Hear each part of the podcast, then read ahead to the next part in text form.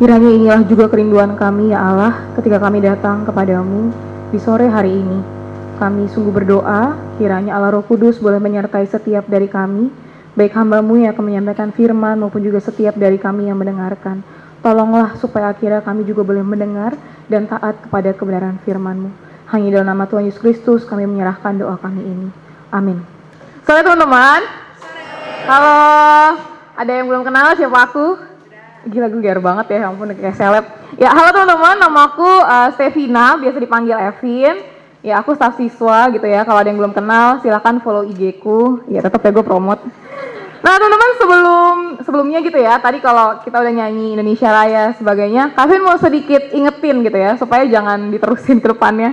Kalau tadi agak miss, kalau kita nyanyi Indonesia Raya, refnya harusnya dua kali ya, gitu oke? Okay? Ya tadi kita cuma nyanyi sekali gitu ya. Uh, terus yang bagian hiduplah Indonesia Raya, Indonesia Raya gitu ya, harusnya tadi kedua kali. Terus sama ini, sebenarnya waktu kita lagi hormat bendera, kita nggak perlu nyanyi.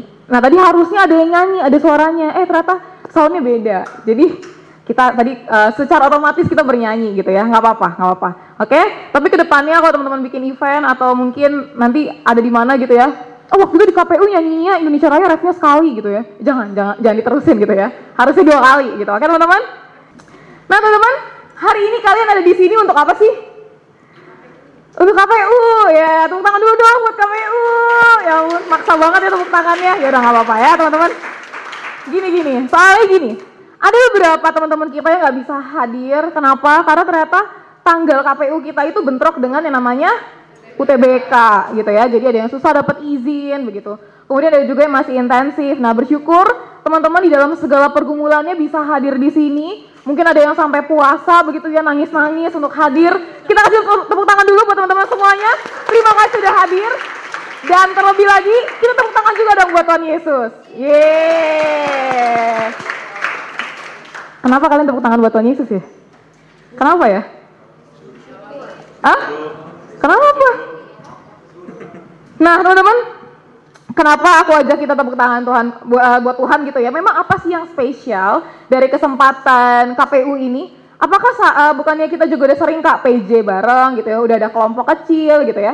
Lalu apa sih yang spesial dari momen ini begitu? Kenapa kami harus hadir di sini? Mungkin ada yang sampai dipaksa-paksa PKK-nya gitu ya, diancam. Kamu keluar dari kelompok kecil kalau kamu ke KPU gitu. Ada ada laporin ke Evin kalau ada gitu ya. Nah, teman-teman, karena kita mau sama-sama mendengarkan gitu ya, satu topik yang sebenarnya ini spesial buat kelas 12.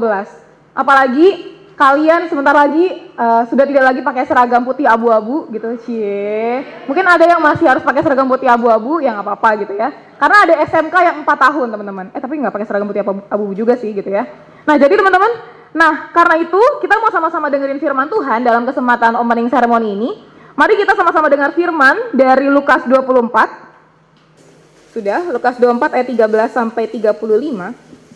Kak Evin akan bacakan buat kita semua.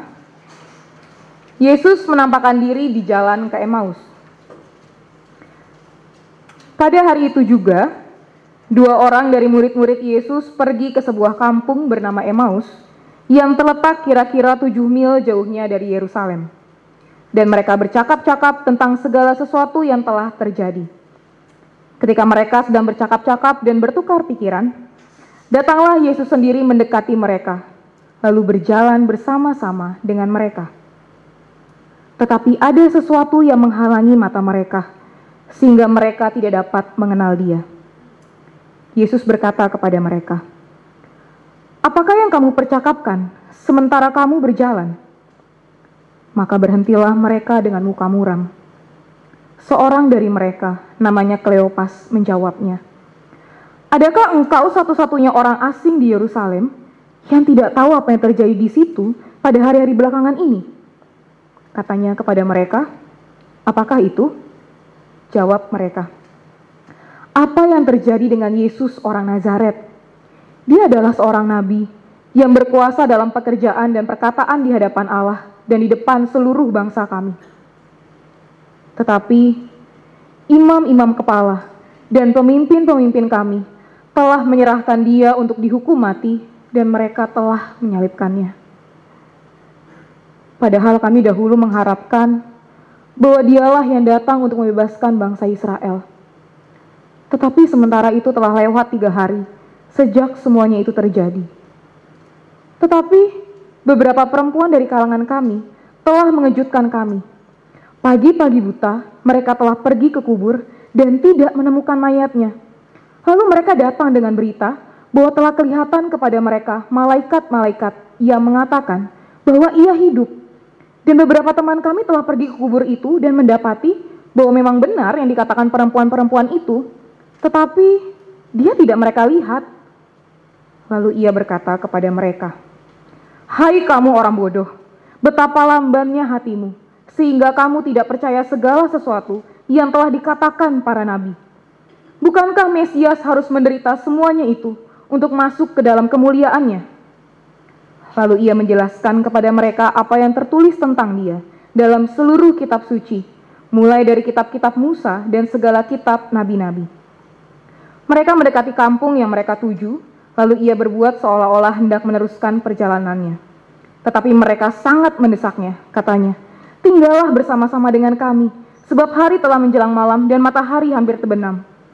Lalu masuklah ia untuk tinggal bersama-sama dengan mereka.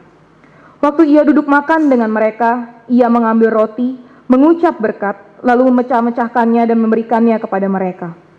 Ketika itu terbukalah mata mereka, dan mereka pun mengenal dia, tetapi ia lenyap dari tengah-tengah mereka. Kata mereka seorang kepada yang lain, Bukankah hati kita berkobar-kobar ketika ia berbicara dengan kita di tengah jalan dan ketika ia menerangkan kitab suci kepada kita? Lalu bangunlah mereka dan terus kembali ke Yerusalem. Di situ mereka mendapati kesebelas murid itu, mereka sedang berkumpul bersama-sama dengan teman-teman mereka. Kata mereka itu, Sesungguhnya Tuhan telah bangkit dan telah menampakkan diri kepada Simon. Lalu kedua orang itu pun menceritakan apa yang terjadi tengah jalan dan bagaimana mereka mengenal dia pada waktu ia memecah-mecahkan roti. Baik teman-teman, Kevin mau tanya, ada siapa saja sih yang terlibat di dalam kisah ini, Lukas 24 ini? Ada siapa? Tuhan Yesus dan Kleopas dan dan satu orang lainnya begitu ya. Ada beberapa penafsir mengatakan oh itu istrinya, makanya mereka pulang bareng gitu ya. Ada juga yang bilang oh mungkin itu saudaranya, makanya mereka pulang bareng. Ada juga yang bilang ya itu sih gitu ya, karena mereka serumah begitu ya. Tapi teman-teman kita bisa melihat bahwa di situ teman-teman ada dua orang murid dan Yesus begitu ya. Nah waktu dengar kata murid, apa yang ada di pikiran teman-teman yang muncul di benak kalian? Nah, Kevin mau jawaban cepat kalian, jawaban yang keras gitu ya. Kenapa? Karena kalian masih punya tenaga gitu ya, nggak setua Bang Zeki gitu. Jadi jawabannya harus keras gitu ya. Oh, maaf Bang Zeki, gue ngebully gitu ya, nggak nggak. Jadi cukup jawab dengan ya dan tidak. Quick question, oke? Okay? Yang pertama, apakah murid adalah orang terdekat Yesus? Ya. ya. Apakah murid adalah orang percaya Yesus? Ya. ya. Apakah murid adalah orang yang mengasihi Yesus? Ya. Apakah murid adalah orang yang pengangguran? Ya, ada yang bingung langsung kan? Oke, okay. tidak ya teman-teman jawabannya tidak begitu ya, bukan. Lalu, apakah murid adalah orang yang mendengar banyak dari Yesus? Eh, ada yang jawab tidak ya? Oh iya semua ya, oke. Okay. Yang terakhir, apakah murid adalah orang yang memanggil Yesus sebagai Tuhan? Nah, artinya teman-teman apa? Murid itu orang yang sangat dekat, kenal dengan Yesus begitu ya, bahkan bisa memanggil Yesus sebagai Tuhan. Nah, murid ini teman-teman adalah orang-orang yang sangat spesial, sangat khusus begitu, karena mereka spend waktu yang banyak sama Tuhan. Sekalipun mereka spesial teman-teman, murid-murid ini gak usah pakai telur gitu ya, karena mereka spesial gitu. Nah lalu, yeah, apa yang terjadi dengan para murid ini? Wah ini ciamik banget nih orang-orang yang terdekat dengan Yesus, percaya sama Yesus. Teman-teman kalau kita lihat di ayat eh, 13 begitu ya, mari kita melihat Alkitab kita di ayat 13, dikatakan di situ, pada hari itu juga, dua orang dari murid-murid Yesus pergi ke sebuah kampung bernama Emmaus yang terletak kira-kira 7 mil jauhnya dari Yerusalem. Nah teman-teman, kalau kayak Vin tanya, pada hari itu, nah, pada hari itu ini hari apa sih kira-kira teman-teman? Ayo coba, yang udah PA, hari apa? Hari Minggu. Kenapa hari Minggu? Ya kalau lihat perikop sebelumnya teman-teman itu ngomongin soal kebangkitan Yesus. Nah teman-teman hari apa sih Yesus bangkit? Gitu ya. Nah hari Minggu begitu ya. Hari di mana Yesus bangkit dan kabar itu tersiar kepada para murid-murid. Nah bukankah ini seharusnya kabar sukacita? Wah guru kita begitu ya, yang mati akhirnya bangkit. Kita kan sebentar lagi minggu depan kita mau Paskah gitu ya. Saking sukacitanya kita biasanya ngadain uh, lomba gitu ya, hias telur gitu, entah apa maksudnya begitu ya. Nah tapi kita sukacita teman-teman ya, kita sukacita menyambut Paskah. Lalu pertanyaannya bagaimana dengan para murid? Kalau tadi mungkin kita sempat baca begitu ya, kayaknya nggak ada kak sukacita-sukacitanya di sini. Nah nanti kita akan bahas gitu ya. Tapi kenapa yang pertanyaan, kenapa mereka kembali ke Emmaus begitu ya dari Yerusalem tadi? Pertama apa yang mereka lakukan di Yerusalem? Teman-teman kemungkinan besar gitu ya, mereka baru saja merayakan Paskahnya orang Yahudi pada masa itu, ya namanya Passover. Nah kalau kita ingat pada masa itu, pada masa itu loh ya orang Yahudi, Paskah itu kan untuk memperingati bagaimana Allah membebaskan bangsa Israel dari hukuman yang ke-10 begitu ya, supaya anak sulung nggak ada yang mati. Nah, jadi itu diperingati oleh bangsa Israel untuk mengingat kesetiaan Allah gitu. Nah lalu pertanyaan berikutnya gitu ya, kenapa akhirnya para murid justru kembali ke Emmaus? Kalau memang Yesus beneran bangkit gitu ya, dan mereka udah dengar itu di Yerusalem, seharusnya ya udah mereka berkumpul aja bersama-sama dengan para murid lainnya, bersama-sama kalau kita lagi ngadain paskah buat sekolah, kumpul, ngerayain sukacita. Tapi teman-teman yang mereka lakukan, justru mereka balik ke Emmaus. Dan jaraknya teman-teman kalau di sini tulis 7 mil. Ini ini Emmaus, ini Yerusalem. Nah, mereka udah jalan, mereka dari Yerusalem mau ke Emmaus. Nah, 7 mil itu sekitar 11 kilo. Sejauh apa tuh, Kak?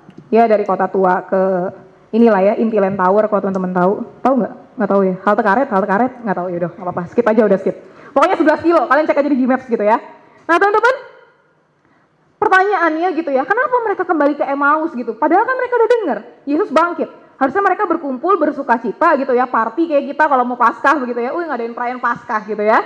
Nah, mereka justru bercakap-cakap teman-teman, kita lihat ayat 14, mereka bercakap-cakap tentang segala sesuatu yang telah terjadi. Pertanyaannya, apa sih yang mereka percakapkan? Ternyata teman-teman, bukan cuma kita yang mau tahu apa yang sebenarnya mereka percakapkan begitu.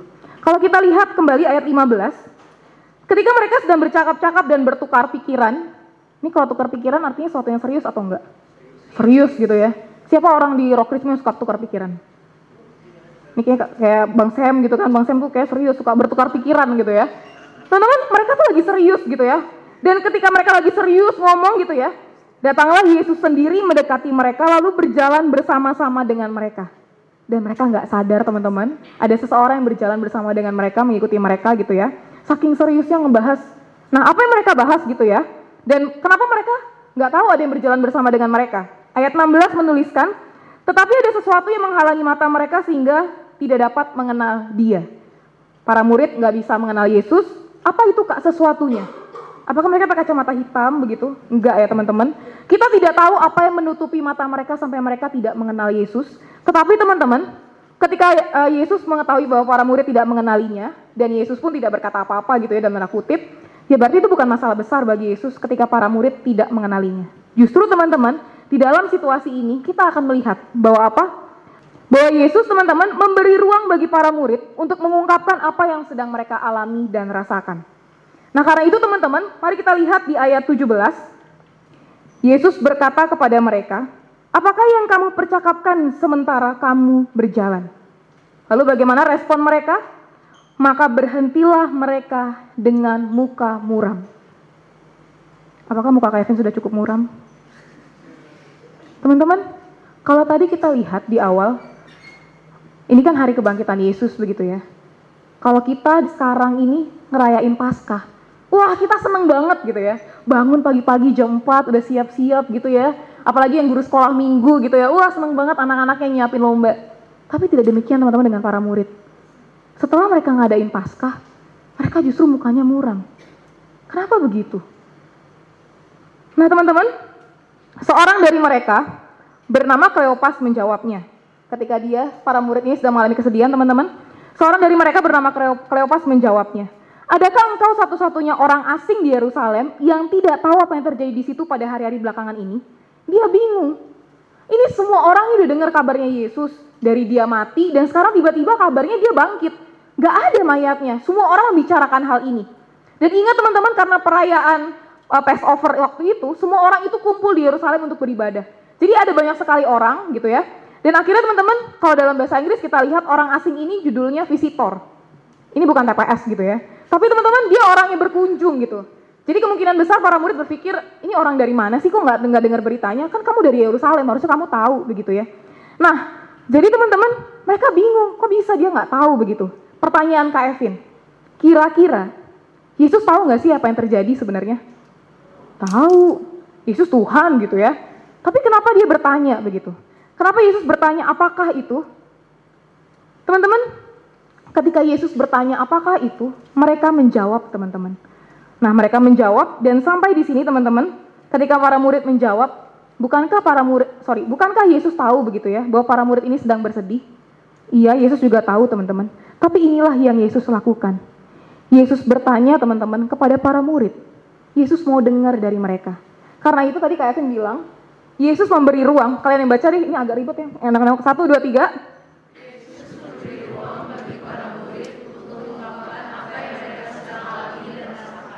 Karena itulah Yesus tanya teman-teman. Yesus tanya bukan karena Yesus nggak tahu, tapi Yesus mau dengar sendiri. Yesus mau para murid berbagi dengan dia, apa sih yang kamu rasakan? Apa sih yang kamu alami? Karena itu Yesus bertanya. Dan apa yang murid-murid ceritakan kepada Yesus, teman-teman? Yang pertama dia mengatakan, mereka cerita gitu ya. Apa yang terjadi dengan Yesus orang Nazaret? Mereka cerita. Dia itu seorang nabi, berkuasa dalam pekerjaan dan perkataan di hadapan Allah dan di depan seluruh bangsa kami. Wah hebat begitu ya. Terus dia pakai kata, tetapi, padahal dia sesuatu yang berbeda. Tetapi, iman-iman kepala dan pemimpin-pemimpin kami telah menyerahkan dia untuk dihukum mati dan mereka telah menyalibkannya.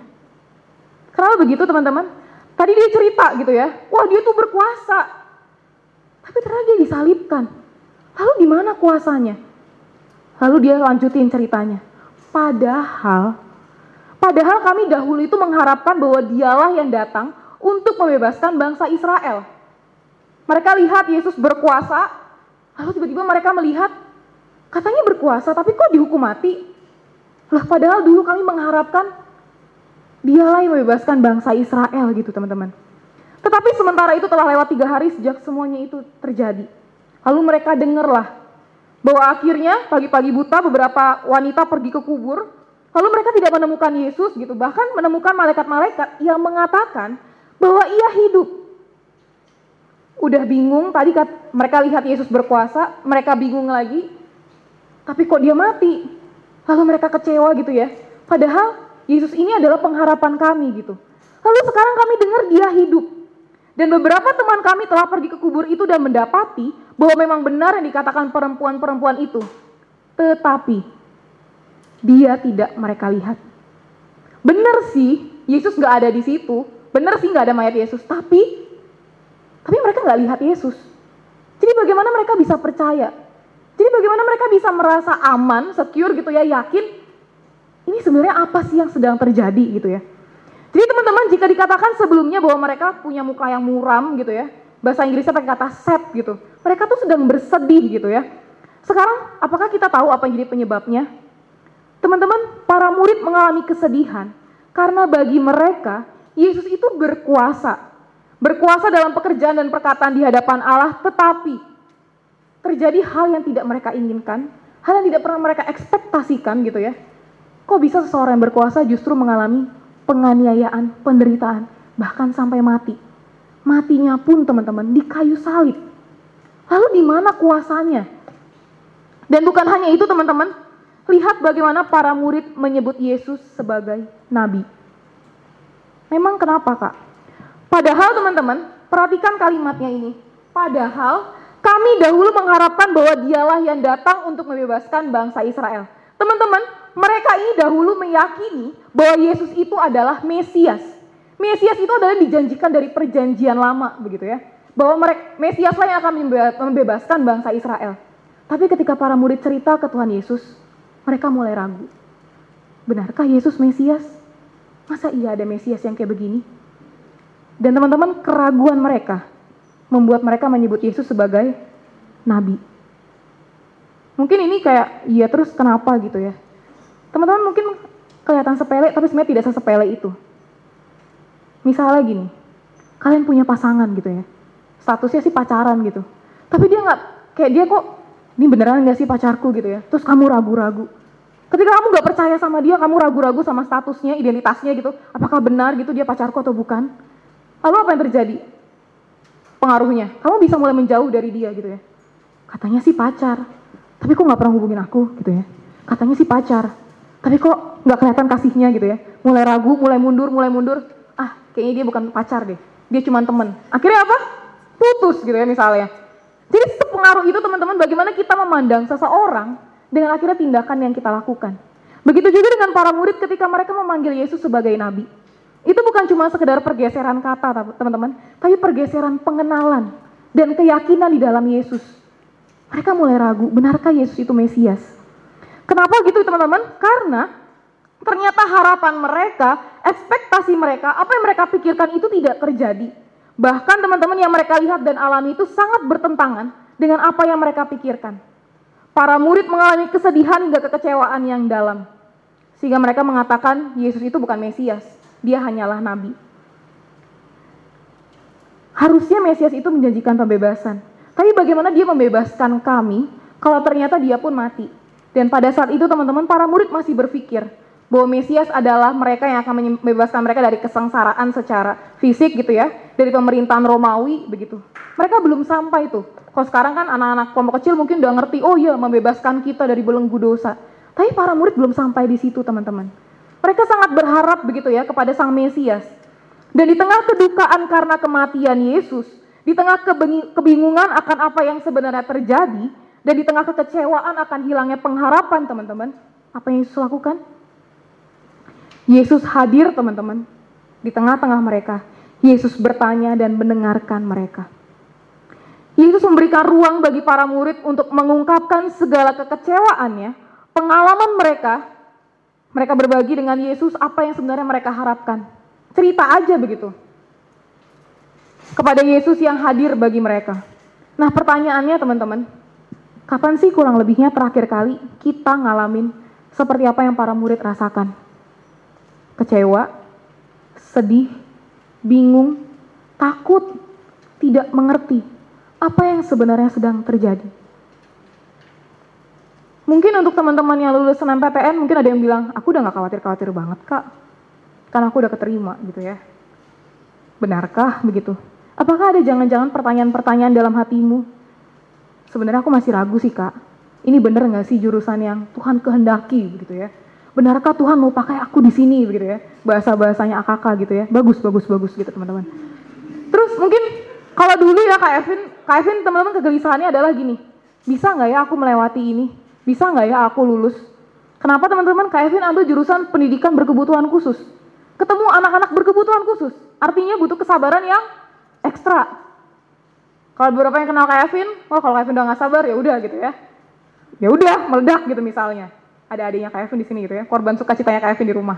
Nah teman-teman, ada kegelisahan-kegelisahan seperti itu. Mikirin, nanti aku punya teman nggak ya di sana? Nanti aku terhilang nggak ya gitu ya? Dan pertanyaan-pertanyaan seperti itu.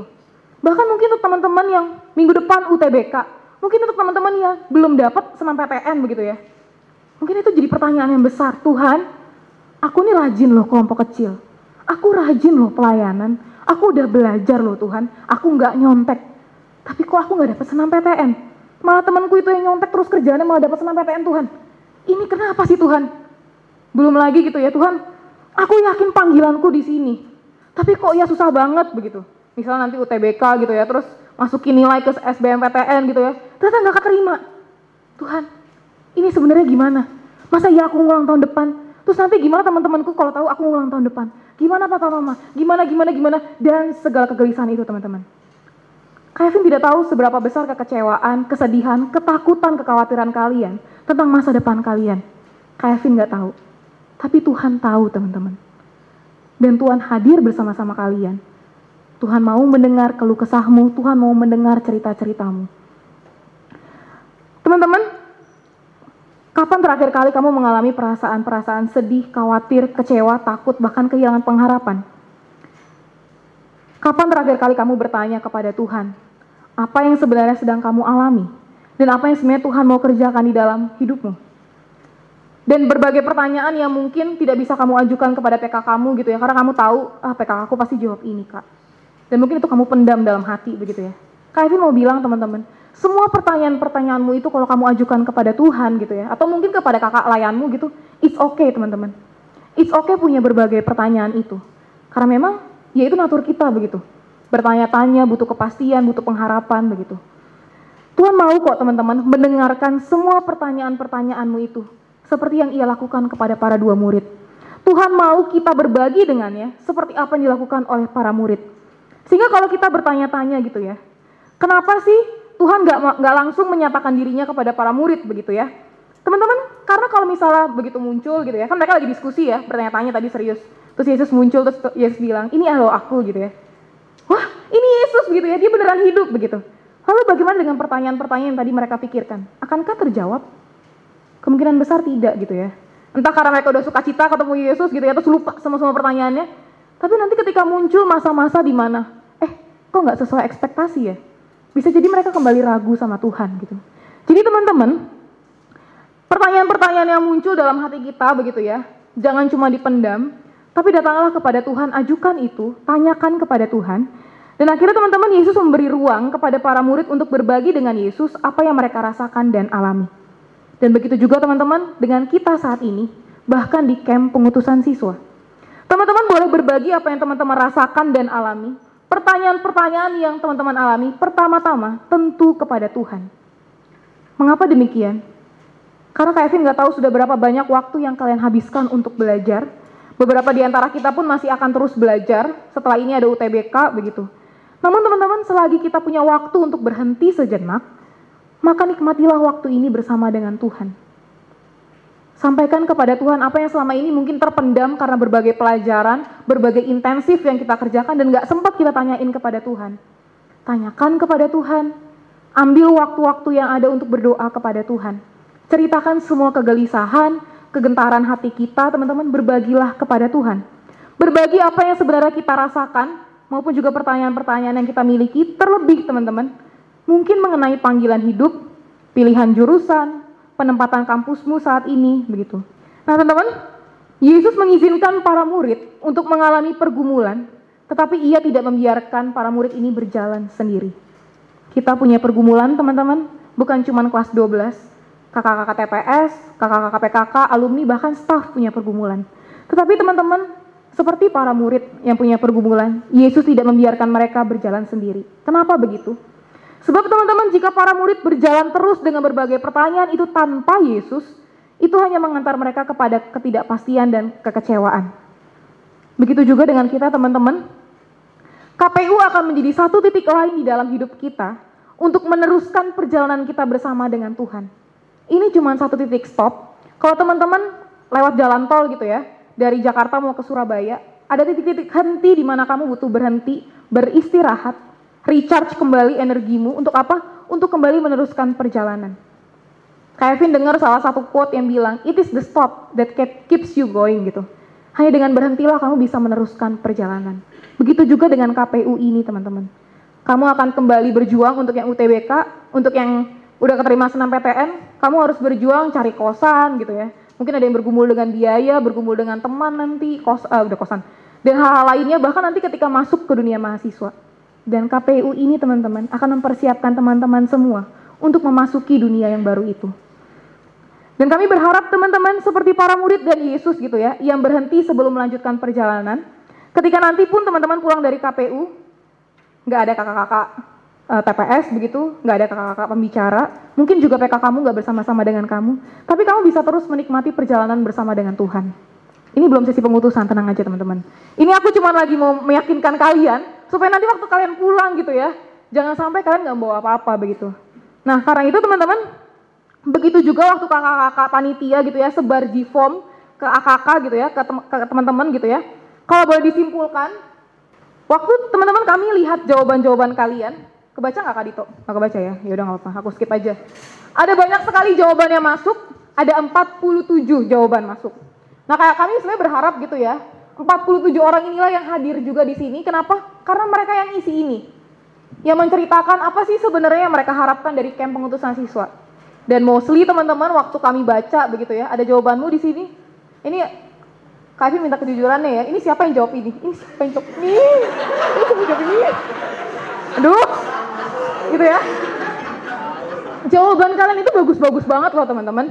Dan itu kelihatan, wah ini emang murid-murid Kristus yang jawab peneguhan, diteguhkan, mengenal rencana Tuhan, menggumulkan gitu ya, kesadaran, rindu begitu ya, panggilan hidup, panggilan hidup, diteguhkan, mengenal, dan yang lainnya gitu ya, baik banget gitu. Teman-teman akhirnya kami menyimpulkan gitu, bahwa sebenarnya teman-teman kelas 12 masih bergumul terkait kepastian terhadap panggilan, terhadap apakah benar jalan yang aku tempuh saat ini begitu. Apakah benar pilihan jurusan dan kampusku? Lalu jaminan-jaminan teman-teman akan kepastian begitu ya. Tentang visi Tuhan, rencana Tuhan gitu. Teman-teman kita nggak akan ngasih tahu rencana Tuhan apa gitu ya. Karena kami juga nggak tahu rencana Tuhan apa begitu ya. Tapi teman-teman, KPU ini mengangkat sebuah tema yang tidak terpisahkan satu sama lain begitu ya, yaitu mengenai identitas dan panggilan. Yang kami harap ketika teman-teman nanti sepanjang sesi di KPU ini bisa menikmatinya gitu, ini bisa juga mengkonfirmasi dan meneguhkan beberapa hal yang sudah teman-teman tulis di sini. Begitu. Nah, seperti apa nantinya? Nah, karena itu nikmatilah perjalanan selama KPU ini. Perjalanan kita masih berlanjut dalam dua hari ke depan, begitu. Seperti perjalanan para murid, teman-teman, mereka baru berhenti cerita ke Tuhan Yesus nih. Mereka baru cerita, baru ngasih tahu Tuhan Yesus, ini loh Tuhan yang aku rasain. Tapi mereka tidak berhenti sampai di situ teman-teman. Setelah mereka berhenti untuk menceritakan kepada Yesus apa yang mereka alami, mereka melanjutkan perjalanannya sebelumnya. Yesus memberikan apa yang mereka butuhkan. Apa itu yang Yesus? Ah, apa itu yang Yesus berikan kepada mereka? Apa yang mereka butuhkan? Lihat ayat 27. Oh sorry, kejauhan. Ayat 25. Perhatikan teman-teman, Yesus menegur mereka. Hai kamu orang bodoh, betapa lambannya hatimu, sehingga kamu tidak percaya segala sesuatu yang telah dikatakan para nabi. Bayangin teman-teman, kamu lagi sedih, lagi galau, kamu nggak kenal siapa orang ini gitu ya. Tiba-tiba dia datang terus nanya, kamu dari mana gitu ya, lagi ngomongin apa sih? Terus kamu bilang, iya kami lagi ngomongin ini, ini, ini, terus dia dia bilang, hai kamu orang bodoh. Apa respon kalian saat itu kira-kira? Hah? Teman-teman aku coba buka YouTube gitu ya buat ngeliat kayak gimana sih ekspresinya Yesus waktu ngomong gitu ya dan ekspresi para murid. Tapi teman-teman ternyata bener gitu ya. Kayaknya para murid tuh saking sedihnya, saking nggak taunya, saking bingungnya. Waktu Yesus tegur mereka teman-teman, Yesus tegur mereka, Hai kamu orang bodoh, betapa lambannya hatimu sehingga kamu tidak percaya segala telah dikatakan para nabi. Perhatikan kalimat Yesus. Bukankah Mesias harus menderita semuanya itu untuk masuk ke dalam kemuliaannya? Yesus nggak berhenti cuma ngomong, hai kamu orang bodoh. Yesus terusin kalimatnya teman-teman. Satu kata yang tidak berani mereka ucapkan, tidak berani mereka sampaikan yang membuat mereka ragu, itu diucapkan oleh Yesus. Apa yang diucapkan oleh Yesus? Bukankah Mesias harus menderita semuanya itu untuk masuk ke dalam kemuliaannya? Jadi teman-teman, Yesus tidak hanya berhenti sampai menegur mereka, tapi Yesus ingetin mereka. Dan itu membuat mereka, oh iya ya, Mesias. Kok orang ini tahu gitu ya? Tadi kan dia nanya, apa sih yang sedang kamu perbincangkan begitu ya? Terus mereka udah bilang, apakah kamu satu-satunya orang yang tidak tahu apa yang terjadi di sini belakangan ini gitu ya? Kan kita suka gitu ya. Ih, emang lu nggak tahu ya? Terus begitu begitu orang lain ternyata lebih tahu daripada kita, kita langsung, eh iya ya. Ternyata, ternyata dia tahu gitu ya. Terus kita jadi minder sendiri gitu ya, malu gitu ya. Nah, aku rasa teman-teman, para murid pun mengalami hal yang sama. Oh iya ya, kok bisa orang ini tahu begitu ya? Nah, karena itu teman-teman, Yesus pun melanjutkan perkataannya di ayat 27. Lalu ia menjelaskan kepada mereka apa yang tertulis tentang dia dalam seluruh kitab suci, mulai dari kitab-kitab Musa dan segala kitab nabi-nabi. Teman-teman, inilah yang dibutuhkan oleh para murid. Karena pada saat itu para murid tidak mengerti mengenai apa yang sebenarnya terjadi dengan Mesias begitu ya.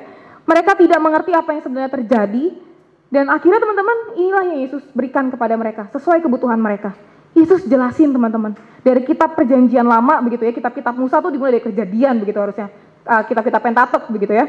Nah tapi perhatikan juga teman-teman bagaimana akhirnya mereka bisa berjalan bersama Yesus sampai mereka mendekati kampung yang mereka tuju. Padahal tadinya mereka nggak kenal Yesus. Mereka pikir Yesus ini nggak tahu apa-apa gitu ya. Makanya mereka sampai ngomong, masa lu nggak tahu sih apa yang terjadi di sini gitu ya. Tapi ketika mereka melihat gitu ya teman-teman, dengar, ternyata dia tahu sesuatu begitu ya. Dan itu menjawab kebutuhan mereka teman-teman. Mereka ikut Yesus gitu ya. Mereka nggak tahu loh itu Yesus. Ingat baik-baik, mereka nggak tahu. Dan aku ragu ya teman-teman, saking excitednya para murid mendengarkan Yesus, kayaknya mereka pun nggak nanya namanya Yesus itu siapa. Iya nggak sih? Coba perhatiin, nggak, disebut gitu. Bahkan waktu akhirnya mata mereka terbuka gitu ya, dibukakan begitu, mereka baru oh itu Yesus gitu. Berarti kan selama perjalanan itu teman-teman, mereka sangat menikmati waktu bersama dengan Tuhan. Dengerin Tuhan ngomong apa. Waktu mereka punya kegelisahan, keraguan, pertanyaan, semuanya dijawab sama Tuhan. Tuhan gak langsung jawabnya kayak gini sih, kamu mau tanya apa, ayo sini aku jawab. Enggak gitu kan, tapi Yesus cerita gitu dari awal. Terus mungkin waktu dalam perjalanan mereka mulai oh iya, oh iya, eh iya, eh iya Tuhan pernah ngomong kayak gitu tuh. Oh pantesan nyambung ya, oh begini. Makanya mereka tuh sampai kurasa gitu ya teman-teman, saking excitednya berjalan bersama dengan Yesus. Mereka sampai nggak tanya, kamu ini siapa gitu.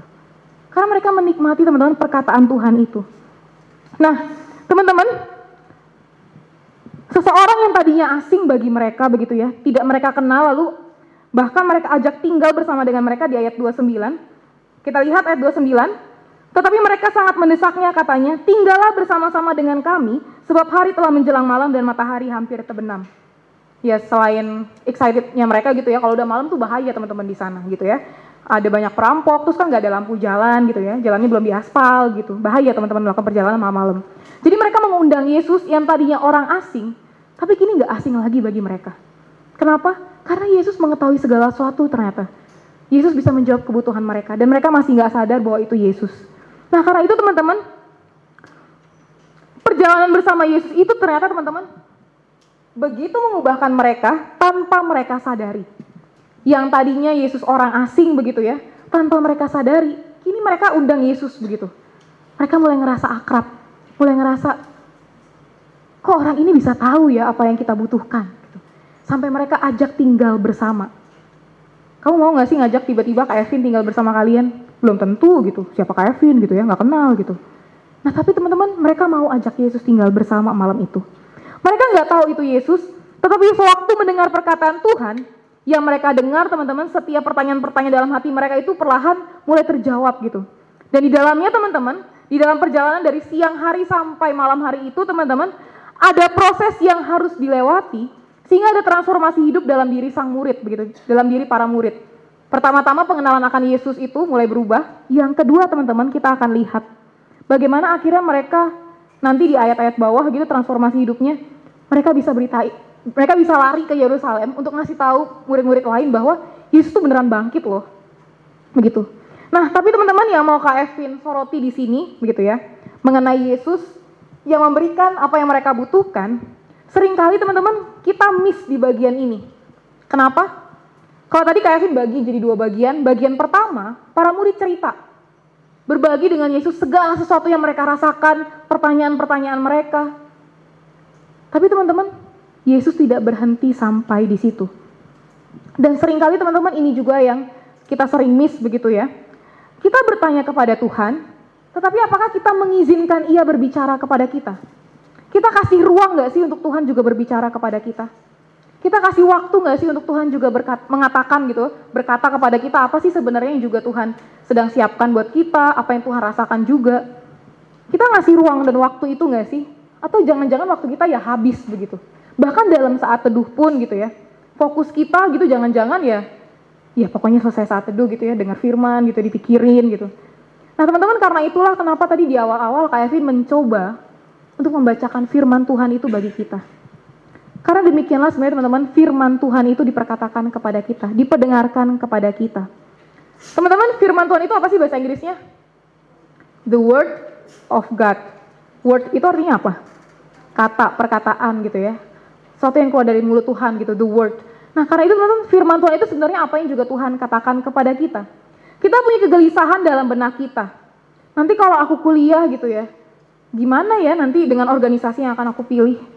Ya kalau aku ngambil organisasi ini, kira-kira bener nggak ya? Ini kalau nanti aku pelayanan ke siswa, terus aku di kampus berkurang dong waktunya. Terus nanti gimana dong? Aku cari gebetan gitu misalnya. Dan hal-hal lainnya mungkin yang saat ini ada di pikiran kalian yang Evan nggak tahu itu apa gitu ya.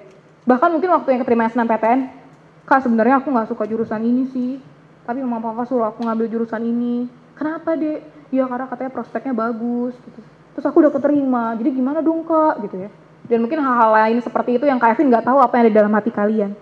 Nah teman-teman, para murid tentu saja bisa menolak Yesus begitu, waktu Yesus menjelaskan kepada mereka. Tapi teman-teman, Ketika Yesus menegur mereka dan mengatakan bahwa dia Mesias begitu dan itu menarik hati mereka gitu ya, menarik perhatian mereka. Bagaimana dengan momen KPU ini juga gitu? Yang kiranya juga bisa Tuhan pakai buat kita saat ini juga mendengarkan Tuhan. Mendengarkan apa firman Tuhan, apa yang juga Tuhan mau sampaikan kepada kita. Teman-teman, para murid yang saat itu tengah kebingungan, ragu, justru mendengar Yesus gitu. Karena dia mendengar apa yang mereka butuhkan. Nah, aku nggak tahu apa yang jadi kebutuhan teman-teman saat ini, begitu ya. Tapi teman-teman, kalau kita punya permasalahan gitu ya, kita sering kali bertanya kepada Tuhan tapi tidak membiarkannya berbicara kepada kita sehingga hal itu tidak terjawab. Kak Evin harap hal demikian tidak terjadi di KPU. Maksudnya apa? Mungkin beberapa di antara kita masih ada yang gelisah sama UTBK, ada yang gelisah sama bapak-bapak yang cerewet di rumah. Ayo dek, gimana kosanmu gitu ya? Gimana nih daftar ulang segala macam mungkin gitu ya. Dan hal, -hal lainnya. Mari meninggalkan itu semua teman-teman. Mari fokus mendengarkan perkataan Tuhan. Mari akhirnya meninggalkan segala kekhawatiran kita terlebih dahulu atau lebih tepatnya gitu ya membawanya kepada Tuhan dan mengizinkan Tuhan berbicara kepada kita lewat setiap kesempatan di momen KPU ini.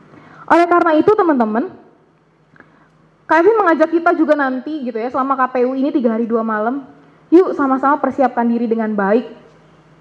Kalau waktunya istirahat, kita istirahat. Kenapa? Supaya waktu dengar sesi begini gitu ya, kita nggak ngantuk gitu. Mungkin kalian belum ngantuk karena senang lihat Kevin gitu ya. Enggak juga, enggak, enggak, enggak, enggak. Nah mungkin, tapi bagaimana dengan besok? Kalau teman-teman lihat jadwalnya itu padat banget gitu ya. Belum lagi besok ada sesi kesempatan teman-teman bisa konseling. Nah, nggak sempat istirahat kan? Nah jadi bagaimana memanfaatkan waktu sebaik-baiknya? Mungkin butuh power nap, power nap. Mungkin butuh permen, bilang sama kakak panitia, kak, aku butuh sebungkus permen untuk dengerin firman gitu ya. Aku tidak mengizinkan iblis uh, mengeluarkan buku sepanjang sesi ini gitu ya, kawan berjuang. Tapi terlebih lagi teman-teman, persiapkan hati kita dengan sungguh-sungguh.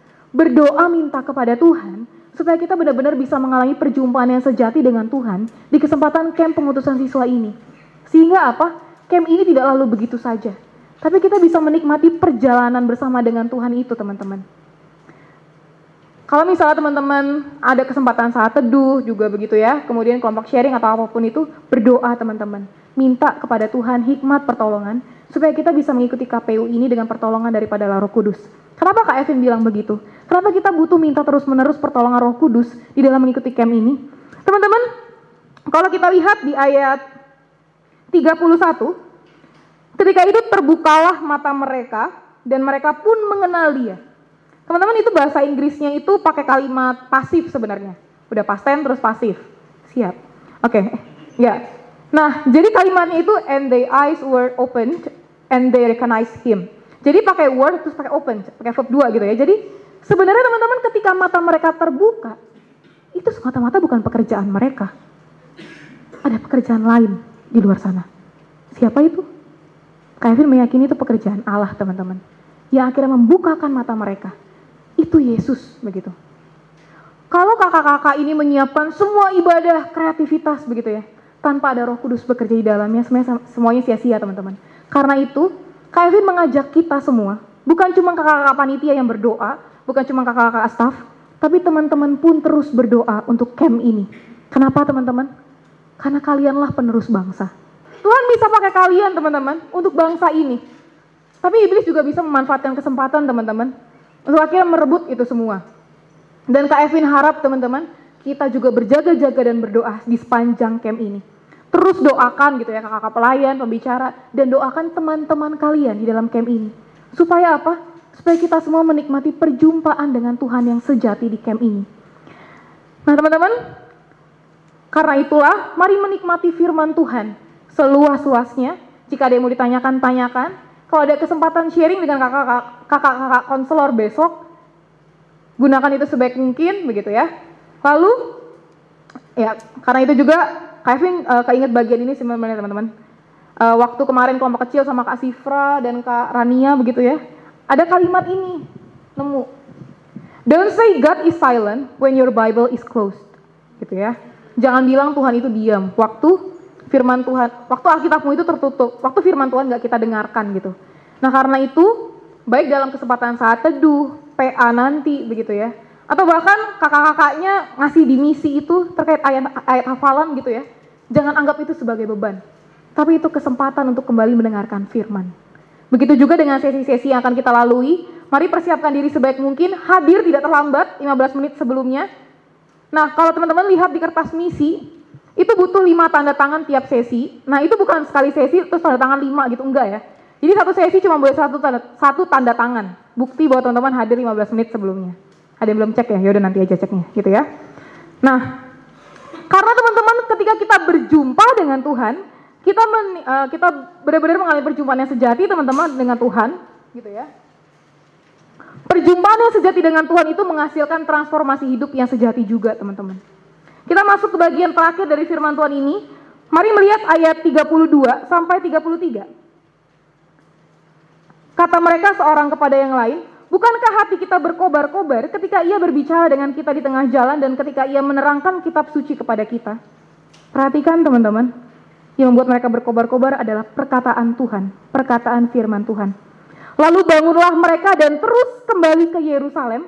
Di situ mereka mendapati ke sebelas murid itu, mereka sedang berkumpul gitu ya. Lalu ayat 35, mereka pun menceritakan apa yang terjadi dan bagaimana mereka mengenal dia. Teman-teman ingat, tadi jaraknya itu 7 mil, 11 kilo. Kalau teman-teman tahu kota tua, itu perjalanan dari kota tua sampai halte karet. Kevin udah cek di Maps gitu ya. Itu jauh gitu. Dan ingat teman-teman pada masa itu belum ada jalan beraspal, nggak ada lampu, nggak ada G-Maps gitu ya. Dan bahaya teman-teman. Kenapa? Bisa ada perampok, bisa ada binatang buas kayak ular yang mereka temui, dan hal-hal lainnya. Tapi saking sukacitanya teman-teman berjumpa dengan Tuhan, mereka nggak pikirin itu semua. Mereka lari ke Yerusalem, mereka kasih tahu murid-murid kalau mereka ketemu Tuhan Yesus. Dan semangat itulah teman-teman yang kita juga harapkan terjadi di camp ini. Ketika kita benar-benar berjumpa dengan Tuhan, semangat itu jugalah yang akhirnya membawa kita siap untuk menjadi anak-anak muda, siap untuk menjadi penerus-penerus bangsa ini yang meneruskannya kepada orang-orang di luar sana melalui bidang-bidang yang Tuhan percayakan untuk kita kerjakan. Mari bersama kita berdoa meminta Bang Zeki untuk menutup di dalam doa. Tuhan kami bersyukur akan firman-Mu. Kami bersyukur untuk setiap hal-hal yang Tuhan nyatakan melalui firman-Mu bagi kami. Engkau yang mengerti dan tahu apa yang menjadi banyak pertanyaan dalam pikiran kami, situasi kegalauan hati kami, baik kami yang sudah fix mungkin dapat perguruan tinggi atau masih galau. Tuhan, hati kami miskin ya Tuhan. Dunia ini sangat luas. Kami butuh perjumpaan dengan Tuhan. Kami butuh Tuhan menyatakan kehendaknya bagi kami. Kami kecil di tengah-tengah dunia Indonesia yang besar ini. Tuhan, Tolong kami bisa melihat apa yang Tuhan lihat. Tolong kami bisa berbelas kasih kepada hati Tuhan ketika melihat keadaan nyata di sekitar kami. Terima kasih Tuhan atas kebenaran firman-Mu. Tiga hari dua malam berbicaralah bagi kami. Tanpa mercy, tanpa belas kasihan-Mu Tuhan kami susah untuk mengalami perjumpaan denganmu. Setiap kami yang mendengarkan, kiranya kami boleh mendengarkan dengan setia kebenaran-kebenaranmu. Kami mengalami perjumpaan dengan Engkau ya Tuhan.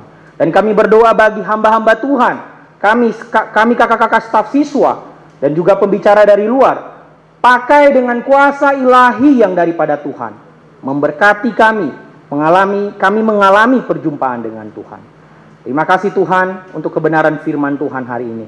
Kami bersyukur buat Kak Evin yang memberitakan bagi kami. Kiranya juga hidupnya terus memberitakan firman Tuhan. Dan kiranya hidupnya itu sendiri terus menjadi saksi dan teladan bagi firman Tuhan itu sendiri. Terima kasih Tuhan. Dalam nama Yesus kami bersyukur atas kebenaran firman. Amin.